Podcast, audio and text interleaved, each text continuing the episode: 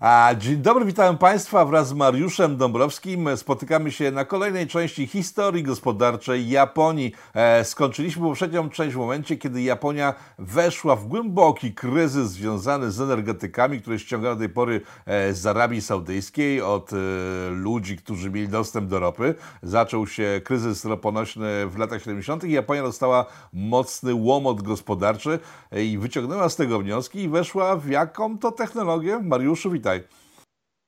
Witam, cześć, witam wszystkich. Rzeczywiście był to największy kryzys od czasów II wojny światowej, czyli pierwszy kryzys naftowy w 1973 roku. Japonia była mocno uzależniona od ropy naftowej. Warto zwrócić uwagę chociażby, jak była wytwarzana energia elektryczna w Japonii. Ponad 77% tej energii pochodziło z ropy naftowej, czyli płynęły tankowce Zatoki Perskiej do Wysp Japońskich. E, te Europy spalano, wytwarzano energię elektryczną e, i dzisiaj wydaje się to nieprawdopodobne, ale w tamtych czasach ropa naftowa była na tyle tania, że miało to uzasadnienie ekonomiczne. Czyli 70 lata kończą okres rozpasania, w którym to ludzkość spalała ropę po to, żeby wytworzyć prąd. Na dzisiejsze standardy Nieekologiczne, absurdalne, nieopłacalne. Wtedy się opłacało. Lata 70. zakończyły ten okres i co robią Japończycy? Chyba zaczęli szukać alternatywnych źródeł. Tak. I e, warto zwrócić uwagę, że my dzisiaj możemy patrzeć na to jako nawet nieekologiczne, e, ale trzeba patrzeć też na, e, na etap rozwoju. Jak, jak mawiał towarzysz Lenin, e, ważny jest e, etap rozwoju konkretny. I tutaj, czy, oczywiście on myślał o ideologii przede wszystkim, ale można to odnieść do gospodarki, że, że wtedy nie patrzono na ekologię, patrzono wyłącznie na rachunek ekonomiczny. Dlatego jak patrzymy na coś w przeszłości, to musimy też przyjąć kryteria oceny z tamtych czasów. I rzeczywiście Japonia od tego momentu zaczęła iść w kierunku atomu. Co prawda program atomowy w Japonii już zaczął się w latach 50., w 1954, tuż po zakończeniu okupacji Wysp Japońskich. E, zanim się rozpoczął mm, kryzys naftowy na Bliskim Wschodzie, to mm, dodam, że już pierwszy reaktor jądrowy w nieszczęsnej elektrowni Fukushima 1 już działał, o czym będziemy mówić w kolejnych odcinkach, ale od tego momentu rzeczywiście Japonia coraz bardziej stawia na efektywność energetyczną i na energetykę jądrową. Warto tutaj jeszcze zaznaczyć jedną rzecz, że jeśli patrzymy na różne etapy rozwoju w Japonii, czy, czy, czy na szczególne, poszczególne surowce, z których wytwarzana jest energia, czy to wcześniej ropa naftowa, czy atom, czy gaz ziemny skroplony, czy odnawialne źródła energii, to gdzieś zawsze e, w cieniu tego jest najstabilniejsze źródło, czyli węgiel. Jak dzisiaj spojrzymy na strukturę wytwarzania energii elektrycznej w Japonii, to około 30% tej energii jest wytwarzanych z węgla, więc y, węgiel jest takim tanim, cichym królem, można powiedzieć. Więc y, ten okres, y, warto też zwrócić uwagę, że okres szybkiego rozwoju w Japonii, ale nie tylko w Japonii, ale również w Niemczech i we Włoszech, to, to był okres rozwoju napędzanego tanią ropą naftową, czyli E, ci, którzy przegrali II wojnę światową, tak naprawdę wygrali pokój. Bo jeśli spojrzymy na najszybszy wzrost gospodarczy po II wojnie światowej, tuż po zakończeniu wojny, to najszybciej rozwijały się Japonia, Niemcy i Włochy. Czyli państwa osi, czyli państwa, które państwa były w koalicji przeciwko aliantom. Tak, tak. I, i, ale, ale ten okres e, zakończył się wraz z pierwszym kryzysem i trzeba było pójść później e, troszeczkę w innym kierunku E, przede wszystkim w kierunku efektywności energetycznej i atomu. Dobrze, skąd Japończycy wzięli technologię atomową? Znaczy, domyślam się, że od Amerykanów, e, bo w tym okresie, o którym mówimy, lata 70., Japonia, może się zdać też kolejne, zabawne wielosom dzisiaj, ale Japonia nie była potentatem technologicznym. E, potentatem technologicznym stała się właśnie w wyniku lat 70., a technologię brała bezpośrednio z USA.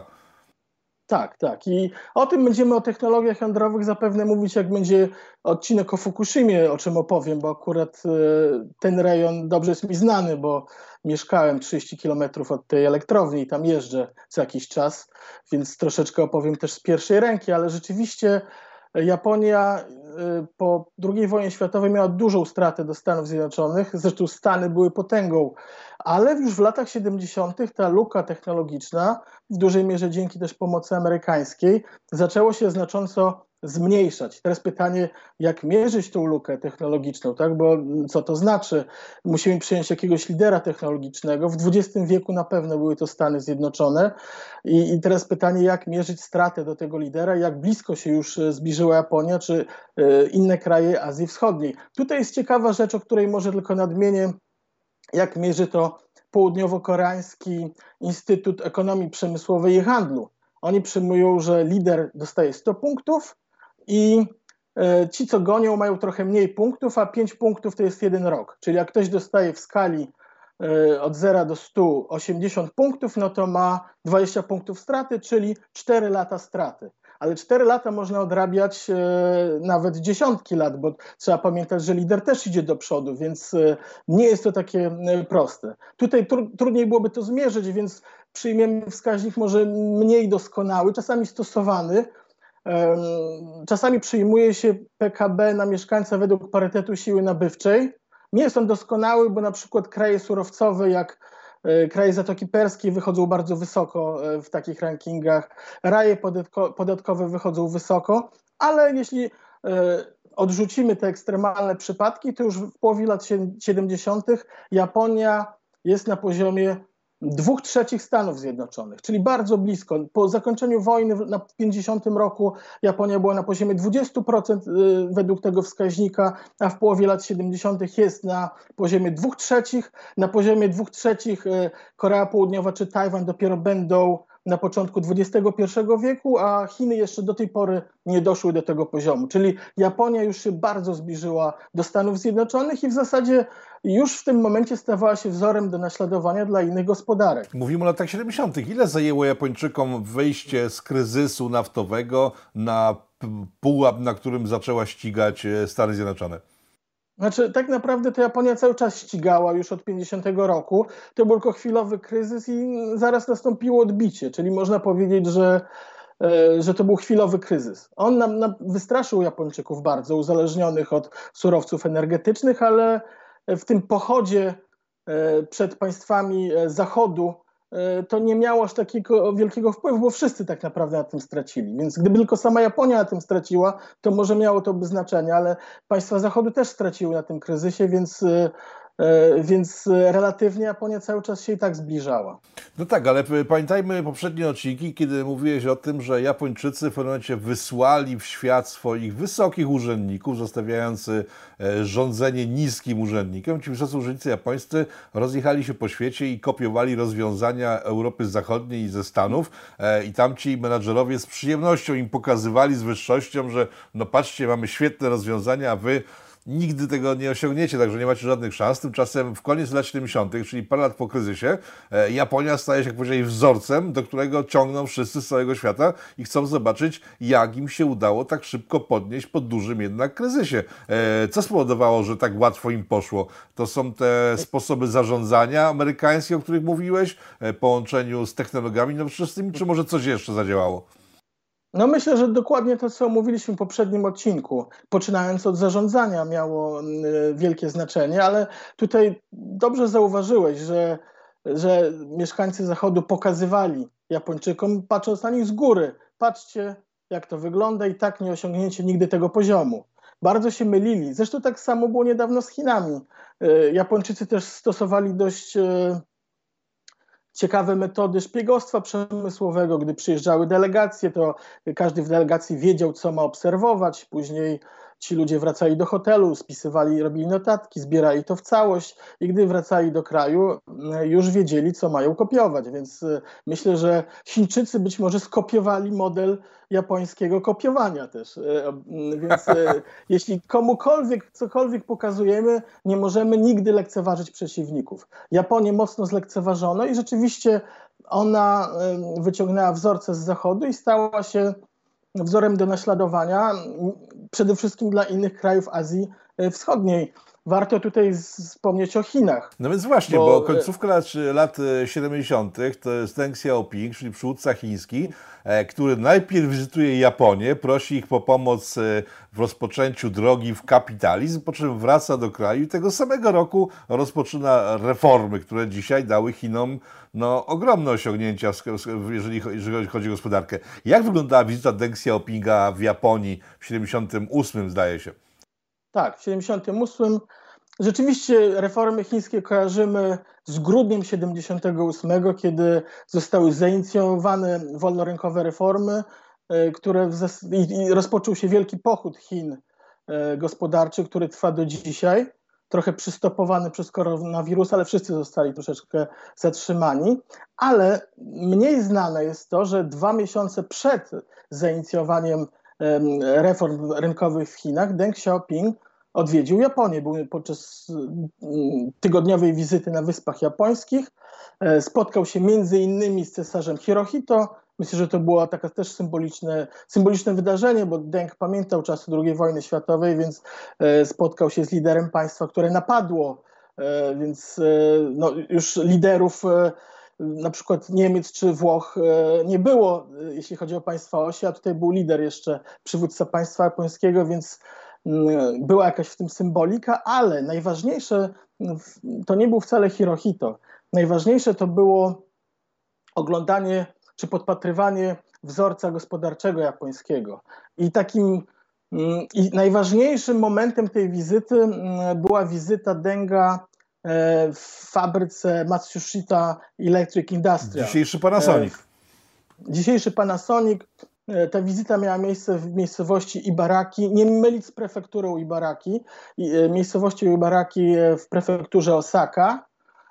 I tam Deng oglądał fabrykę japońską i zwrócił się do właściciela tej fabryki, najważniejszego wówczas menadżera japońskiego Konosuke Matsushity, następującymi słowami: Panie Matsushita, uważany jest pan za boga zarządzania w Japonii. Rzeczywiście Matsushita był nazywany bogiem zarządzania w Japonii. I, I Deng się do niego zwraca, czy pomoże nam pan w modernizacji Chin. Na to Matsushita odpowiada, że zrobimy co w naszej mocy, żeby pomóc w modernizacji Chin. I dwa miesiące później następuje otwarcie chińskie na świat. Więc yy, rozpoczynają się reformy rynkowe. Matsushita też jeździ do Chin jako specjalny gość. Są dobre relacje chińsko-japońskie. Chiny czerpią sporo z Japonii gospodarczo. Są cała Azja Wschodnia czerpie z, wzorca japońskiego. No ale przypomnijmy, że z tym samym menadżerem, bogiem menadżerów w tej samej fabryce jakiś czas później spotkał się niejaki Lech Wałęsa, który pojechał tam z delegacją opozycji e, z Polski, żeby zobaczyć jak zbudować drugą Japonię.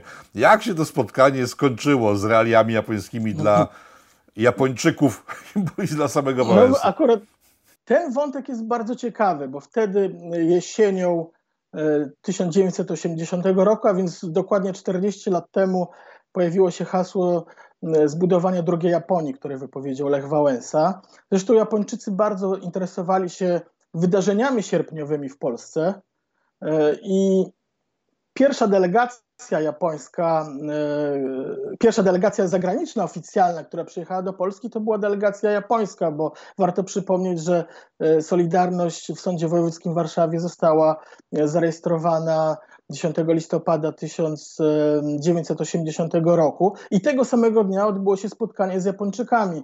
Lech Wałęsa się spóźnił na to spotkanie, bo jechał z sądu, ale to, to, to był pierwszy kontakt. No, nie do końca zadowolony był być może Bronisław Geremek, który raczej stawiał na opcję francuską, a nie żeby zaczynać od Japończyków, ale akurat tak wyszło, że się zaczęło od Japończyków. Japończycy zaprosili delegację Solidarności do swojego kraju, y, sfinansowali podróż, to było duże wydarzenie. No i w maju, w dniach 10-16 maja, delegacja Solidarności poleciała mm, do, do Japonii, do, najpierw do Tokio, podobnie jak y, Deng Xiaoping, a później trafili do tej miejscowości Baraki w prefekturze Osaka, gdzie znajduje się fabryka Matsushita Electric Industrial. Co Wałęsa... zobaczyła na miejscu i jakie wnioski wyciągnęła? Bo to szłonimy e, związkowcy początkujący, polscy, z komunistycznego kraju, e, z fabryk, w których produkuje się niepotrzebne rzeczy, trafiają do fabryki, która produkuje rzeczy, które potrzebują wszyscy na świecie, bo są tak dobrej jakości. Tak? Jak, jak zareagowali nasi dzielni opozycjoniści? No, Lech Wałęsa przyglądał się uważnie, co tam się dzieje, ale problem był, on był wtedy już wielką gwiazdą światową.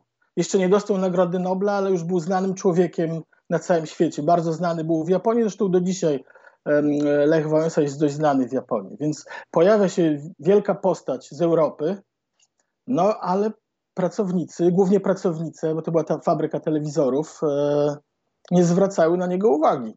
Więc był e, e, zdziwiony, może myślał, że, że, że nie wiedzą, kto to jest, ale przygląda się. Pracownicy byli skoncentrowani na pracy. Więc jak Lech Wałęsa zobaczył, jak się pracuje w kapitalistycznej Japonii, to powiedział wówczas, że on już nie chce budować drugiej Japonii w Polsce. Dlaczego? No i no bo tak się tam pracuje, że nawet nie zwracają na niego uwagi, nie można za bardzo pogadać. Są skoncentrowani na pracy, więc delegacja opuściła fabrykę. Ale moment, moment, moment, za... moment, moment. Mm. Czyli co? Mm. Spotkał się z tym samym bogiem menadżerów, z którymi się mm. spotkał szef państwa komisarnego chińskiego i widząc jak mu idzie, powiedział, panie, my nie chcemy tego u siebie w żaden sposób i wyszedł? Nie wierzę. Znaczy, popełnił fopa pewne, e, gdzie e, strona japońska była też zaskoczona, nawet ta związkowa, ale być może im się nawet spodobało, bo to jest jednak ta sama rodzina związkowa, można powiedzieć. Zresztą ci związkowcy wyszli e, w krawatach do naszych związkowców, którzy nie mieli krawatów, więc Wałęsa, jak to zobaczył, to też zrobił taki ruch, który się spodobał tam Japończykom, że chciał obciąć krawat dla lidera delegacji E, japońskie, ale on miał drogi jedwabny krawat, więc e, e, jakoś się wymknął z tego i zdjął ten krawat, żeby Wałęsa go mu nie uciął, więc tak mogli wyglądać związkowcy w krajach bogatych. Zresztą pewnie tak dzisiaj wyglądają i w Polsce związkowcy, którzy mają dużo pieniędzy. Niemniej Wałęsa wtedy powiedział, że że w tej fabryce panuje wyzysk i coś takiego i to było taki, po, pozostał pewien niesmak, można powiedzieć. Więc o ile Deng Xiaoping chciał się uczyć e, od Japończyków i prosił, żeby e, Chiny mogły podążać drogą modernizacyjną Japonii, to delegacja Solidarności no, nie do końca była chyba, przynajmniej lider, ja nie mówię o wszystkich, e, lider jak zobaczył, jak się pracuje w, w kapitalistycznym świecie, już nie chciał budować drugiej Japonii, więc po zakończonej wizycie y, udali się w lepsze chyba miejsce. Y, pojechali do Kyoto, do jednej z najlepszych restauracji y, z gejszami. To podobno się akurat podobało Wałęsie. I, I, tam podano im do stołu sashimi, czyli surowe ryby. Tutaj, z tego co wiem, to Wałęsa miał problem z jedzeniem z pałeczkami, posługiwał się pałeczkami, ale gdy przyszedł ryż, gdy został podany do stołu ryż, to ku zdziwieniu wszystkich Lech Wałęsa poprosił o śmietanę i cukier do ryżu. No i wielka konsternacja. Eksklu najlepsza restauracja w Kyoto. No chyba nie taka dobra, skoro nie ma śmietany i cukru do ryżu, prawda? No, nie, no cukier akurat mieli, okay. tak? No, cukier się dodaje chociażby do sushi, e, do ryżu, e, więc e, z cukrem nie było problemu, problem był tylko ze śmietaną, więc zajęło im tam kilkadziesiąt minut chyba, żeby znaleźć na mieście cukier, śmietanę. E, znaleźli, e, spełnili oczekiwania najważniejszego gościa i no i Lech Wałęsa był chyba zadowolony, zjadł to, co pewnie lubił jeść w Polsce, czyli e, ryż ze śmietaną. A Japończycy byli zadowoleni też z tego spotkania, czy zapomnieli o nim szybko i poszli nie, Nie, nie, to, nie, to myślę, że to było spotkanie, które bardzo ciekawe. Zresztą Japończycy, związki zawodowe były e, mocno tym zainteresowane. Rząd japoński mocno to obserwował, ale oficjalnie się nie spotykał bo to była jednak opozycja, e, więc Japończycy e, wolą trzymać się z tymi, co rządzą, niż z tymi, co są w opozycji, chyba że wiadomo, że już opozycja wygra, a Japonia też miała swoje interesy w Polsce, bo trzeba pamiętać, że po kryzysie naftowym na Bliskim Wschodzie e, Japończycy potrzebowali węgla, a Polska była jednym z krajów, która ten węgiel mogła zapewnić Japonii, więc jak gdyby rząd obserwował, zapewnił odpowiednią ochronę delegacji Solidarności, ale jednak wolał się nie spotykać oficjalnie z tą delegacją. Dodam jeszcze taką ciekawostkę, że akurat w nocy w Kyoto, po, ty, po tej kolacji w restauracji, przyszła smutna wiadomość z Rzymu, że został postrzelony papież Jan Paweł II. Papież, który trzy miesiące wcześniej był w Japonii, odwiedzał Wyspy Japońskie, więc e, akurat wszystko się zbiegło w czasie. Mówi się teraz o tym 2020 roku, że już tyle się wydarzyło e, od samego początku, ale jak się popatrzy na rok 81, to wcale nie mniej się działo na świecie, więc każdy rok jest e, na swój sposób wyjątkowy. Rozumiem. Ale... Tak, kończąc etap tej delegacji polskiej, kto w niej brał udział oprócz Lecha Wałęsy? Tam między innymi był e, Frasyniuk, zdaje Tadeusz się? Mazowiecki, Bujak, Frasyniuk, e, był Henryk Lipszyc, pierwszy ambasador za czasów już trzeciej RP w Japonii, chyba był pierwszym ambasadorem. E, on, on był pomocą w tej delegacji. Był już świętej pamięci Yoshihiro Umeda, Japończyk, który działał w Solidarności, więc to była grupa około chyba dziesięcioosobowa. Jeszcze tam na miejscu kilka osób dołączyło. Więc to były wielkie nazwiska później mm, początku trzeciej RP. No rozumiem, ale jakoś chyba nie wyciągnęli wniosków z tego, co tam zobaczyli, bo drugiej Japonii, trzeciej i czwartej nie zbudowano. Tymczasem państwa, które wzięły przykład z Japonii, radzą dzisiaj sobie doskonale. Wspomnieliśmy o Chińczykach, e, ale to nie tylko Chińczycy, bo to jest jeszcze Korea Południowa, e, Tajwan, które też przyswoiły sobie techniki gospodarcze japońskie, a także zdaje się Malezja.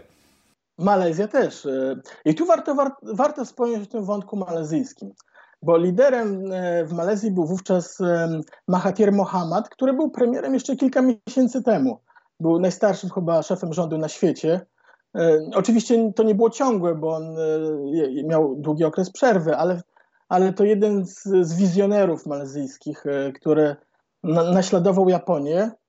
Mało tego, jeździł incognito do Japonii, żeby podpatrywać ducha, korzenie Japonii. No w tamtych czasach było to łatwiejsze. Dzisiaj w czasach internetu, powszechnych kamer trudno jeździć jako incognito gdzieś, e, ale wtedy on mógł to zrobić. Czytał wszystkie książki na temat Japonii, jakie były, robił z tego notatki i dawał swoim asystentom, urzędnikom, żeby czytali i brali wzorce japońskie.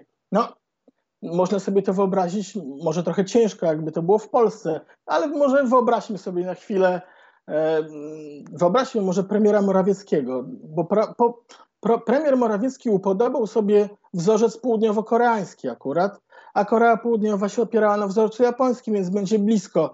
Nie wiem, czy to można łatwo wyobrazić, że premier Morawiecki czyta książki na przykład o Korei Południowej, robi notatki, daje swoim asystentom i członkom polskiego rządu, żeby powielali te najlepsze wzorce. No, ale, może tutaj jest ale w Malezji tak było. Mhm. Może tutaj tkwi tajemnica obecnego rządu, który w dość tajemniczy sposób idzie sobie do przodu. Nie wiadomo za bardzo, co on chce zrobić.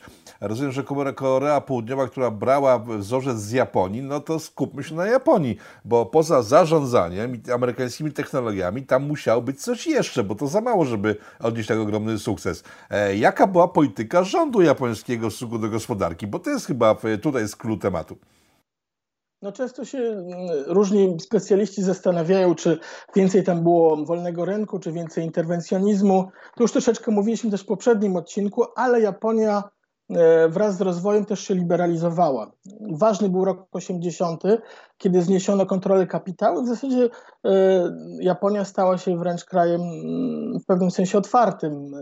Kapitał mógł sobie tam inwestować. Nie było to łatwe, bo konkurencja na rynku japońskim też jest wewnętrzna, ogromna. Jeśli się popatrzy na e, chociażby te wszystkie znane korporacje mm, japońskie. Ale może nie będę tutaj oryginalny, posłużę się słowami E, nieżyjący już Margaret Thatcher, premier, e, byłej premier Wielkiej Brytanii, która powiedziała, że jej zdaniem e, sukces japoński ma dużo więcej z wolnym rynkiem niż z interwencjonizmem. No, jednak trzeba spojrzeć na doskonałe japońskie samochody, elektronikę, czy wiele elementów, które istnieją w produktach, takich jak samoloty, chociażby amerykańskie, czy, czy wiele elementów w telefonach komórkowych. Jeśli nawet Japonia nie jest liderem, to znajdują się tam kluczowe elementy japońskie które jednak wytworzyły firmy prywatne, a nie państwo. Tak? Więc państwo, rola państwa to w dużej mierze mm, doradzanie, naprowadzanie i, i ci przedsiębiorcy często się słuchają państwa, choć nie wszyscy. Bo paradoksem jest to, bo mhm. wielu widzów odcinków e, zauważyło to i stwierdziło, że interwencjonizm państwowy zbudował Japonię i takie można było odnieść wnioski, ale lata 80. i 70., końcówka 70., początek 80. pokazuje, że ten interwencjonizm państwowy w sumie no, utrzymał branże, które by padły bez niego, a branże, które się rozwinęły, wspomniana przejściowa motoryzacja, elektronika, e, wysokie, wysokie technologie, e, powstały gdzieś z boku, niczym ten rynek tak, polskich tak. gier komputerowych, który do momentu, kiedy państwo nie zauważyło, że on istnieje, no. rozwijało się, rozwijał się prężnie bardzo, tak? I, to no i, i tu powstały i, firmy takie jak Honda, takie jak Sony, które w, w, sumie powstać by nie mogły y, jeszcze przed wojną, bo w, nie było chyba takiej możliwości. Jaka jest tajemnica powstania Hondy i Sony? Bo to są takie dwa przedsiębiorstwa ewidentnie powojenne i ewidentnie, które odniosły największy chyba sukces na świecie.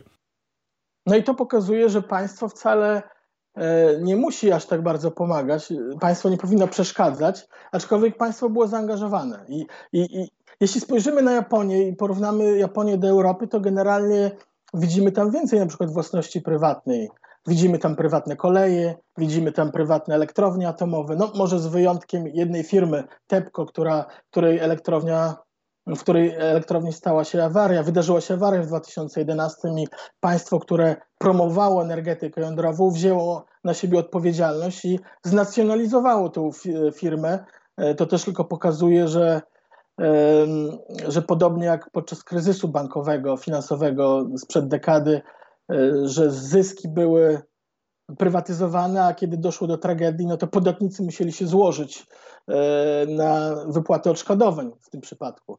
Ale generalnie to, to państwo gdzieś jest w cieniu. Ono jest, e, ale w dużej mierze pierwsze skrzypce grają przedsiębiorcy. I podam właśnie przykład Hondy, gdzie były tarcia na linii państwa i prywatnego przedsiębiorcy Soichiro Hondy. E, w przypadku Sony też było dużo problemów z państwem. E, te najbardziej innowacyjne firmy nie zawsze potrzebowały e, państwa i czasami państwo nawet przeszkadzało, ale rola państwa też jest taka, że mm, premier Japonii, jak gdzieś jeździ, to promuje gospodarkę japońską. Nawet kiedyś Charles de Gaulle, jak się spotkał z premierem Ikedą, to nazwał go komi voyagerem od tranzystorów.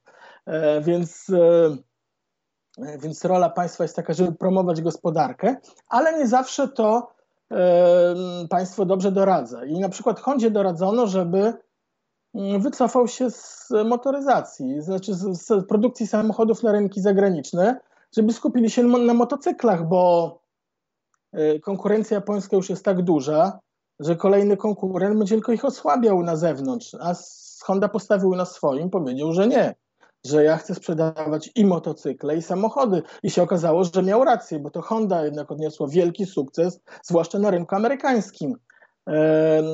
To samo państwo też, a zwłaszcza Ministerstwo Gospodarki, e, wtedy zwane MITI, teraz METI, e, które doradziło, żeby wprowadzić wspólny standard dla nośników e, filmów wideo to były lata 70.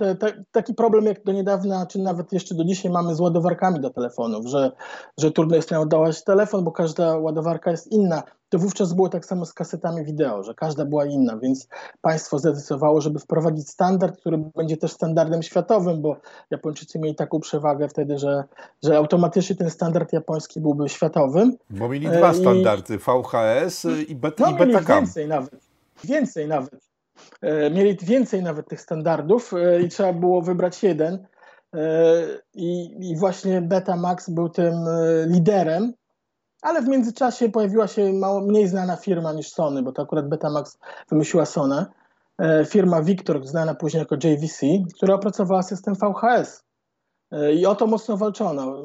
JVC zbudowało też dużą koalicję anty-Sony, można powiedzieć. Tej koalicji znalazł się m.in. Bóg zarządzania Konosuke Matsushita z Panasoniciem, którzy postawili też na system VHS, który może był mniej doskonały, ale jego zaletą było to, że kasety były dłuższe, bo wtedy na tamtym etapie te Betamax mogły nagrywać maksymalnie 60 minut, a filmy były jednak dłuższe niż 60 minut, więc e, sukces VHS-u to było to, że można było nagrywać dłuższe filmy. No i był ale tańszy przede wszystkim. I był tańszy przede wszystkim. To pokazuje rolę państwa, że to państwo próbuje coś doradzać, naprowadzać. Nie zawsze ma rację, tak jak w przypadku Hondy, y, ale gdzieś jest w cieniu i generalnie przedsiębiorcy japońscy y, y, słuchają wytycznych, ale jak podałem przykłady, są tacy, którzy z tym się nie zgadzają. I wygrywają. Jak wygląda historia Sony? Bo to jest kolejna firma obok właśnie Hondy, która jest stricte powojenna i która odniosła sukces e, po wojnie i nie ma żadnych zaległości związanych z przedwojniem, tak na przykład Mitsubishi. Zacytuję tu słowa Soichiro Hondy, który powiedział właśnie po wojnie, że gdybyś, że to nawet dobrze się stało, że przegraliśmy II wojnę światową, bo dzięki temu e, uwolniliśmy się od tego reżimu militarystycznego. Dzięki temu zaczęliśmy się e, rozwijać, mieć więcej wolności, więc e, podobnie było z Sony. Też e, Sony potrafiła robić e, doskonałe produkty. Amerykanie byli zdziwieni, że podczas okupacji, jak spotykali się z przedstawicielami Sony gdzieś w jakichś shopach w miejscach, gdzie nikt by sobie nie wyobraził, że mogą się rozwijać e, zaawansowane technologie. Więc e, tam trzeba wziąć też pod uwagę wizjonera, jakim był Akio Morita, jeden z twórców, prezes, e, można powiedzieć, że taki drugi bóg zarządzania obok Matsushity w XX wieku. I tu jest jedna ciekawa rzecz. Jak ważne jest wizjonerstwo w biznesie i, i wiara w to, że można mieć przewagę nad, nad tym, co myśli nawet rynek w danym momencie bo dzisiaj często posługujemy się badaniami rynkowymi i jak nam coś wyjdzie z badań, to to robimy, e, a jak coś nam nie wyjdzie z badań, to tego nie robimy. I tak, tak, taki był przykład Walkmana.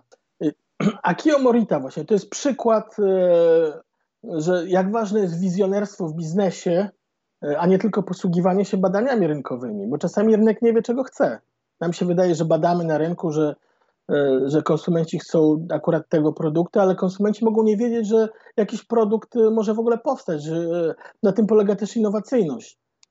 I pewnego razu Morita wymyślił, że dobrze byłoby stworzyć mały magnetofon. To dlatego, że on lubił spacery i bieganie mm. i się nudził w czasie, w czasie tego. No, on w samochodzie słuchał na przykład, często latał samolotem i doszedł do wniosku, że czegoś mu brakuje. I pojawił się wielki opór w korporacji, że nie, że to nie ma sensu, że rynek tego nie zaakceptuje, a szczególnie w Ameryce to się nie sprzeda, bo Amerykanie robią wszystko duże. A tu jakiś malutki Walkman, jak on może się sprzedać? Walkman, który, bez którego być może nie byłoby dzisiaj iPhone'ów, to prawda, bo to, tak, bo to początek, kolei, kiedy tak. każdy mógł mieć muzykę przy sobie.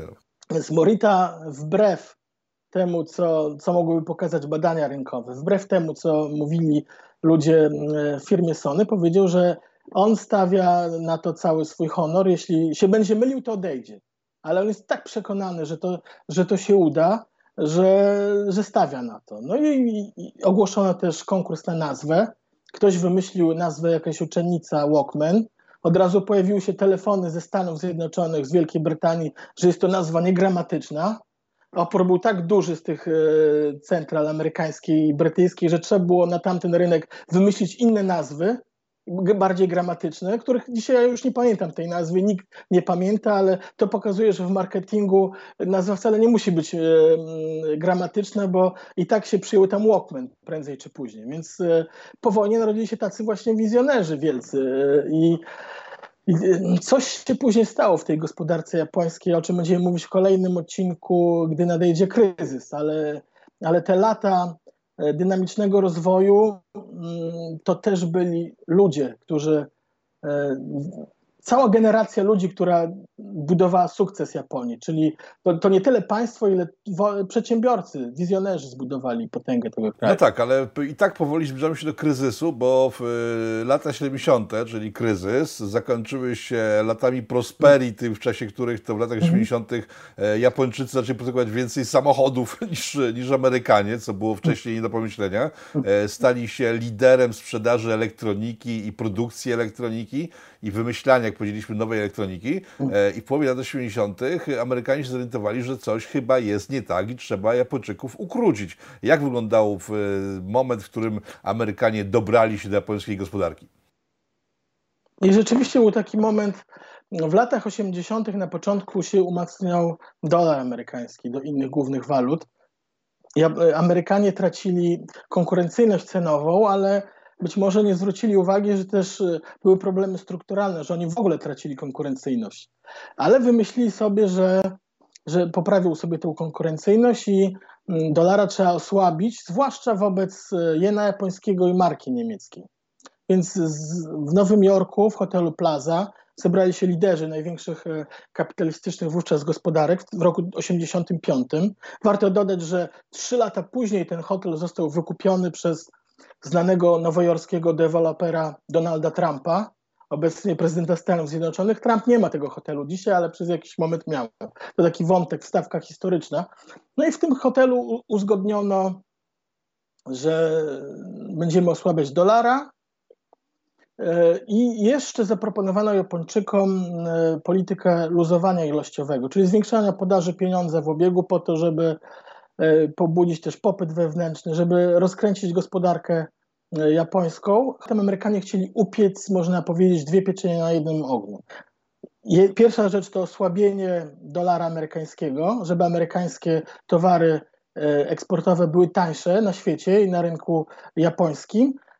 I drugi element, czyli polityka luzowania ilościowego, żeby Japończycy mogli więcej kupować. I Amerykanie myśleli, że Japończycy będą więcej kupować amerykańskich towarów co akurat się chyba nie udało, bo Amerykanie nie przewidzieli też e, silnego patriotyzmu gospodarczego Japończyków. Japończycy generalnie, jak mają możliwość, to w pierwszej kolejności, może z wyjątkiem marek luksusowych, kupują e, produkty made in Japan, a nie made in USA czy cokolwiek. E, no więc, i efektem tego wszystkiego więc... był moment, w którym jen się bardzo wzmocnił, akcje na, hmm. na, w Tokio skoczyły do góry, koszty budownictwa w Japonii skoczyły do góry. W Japonii rozpoczął się mega boom, który w sumie w efekcie skończył się ogromnym kryzysem, ale o tym kryzysie porozmawiam w kolejnym odcinku. A, a, ale to ja jeszcze może dodam, tak? Jeszcze przejdziemy do następnego odcinka, że obniżano stopy procentowe i to jest ważne. Kredyt stawał się coraz tańszy, i, ale ten kredyt nie szedł tam, gdzie miał iść e, zgodnie z założeniami urzędników. On poszedł na rynek nieruchomości i rynek akcji. I dlatego pojawił się e, boom, pojawiła się bańka spekulacyjna, która później pękła z wielkim hukiem na przełomie lat 80. i 90. Czym zajmiemy się w kolejnym odcinku naszej serii o japońskiej gospodarce.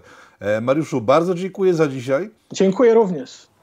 Państwa zapraszam na kolejne części i do zobaczenia. Dzięki.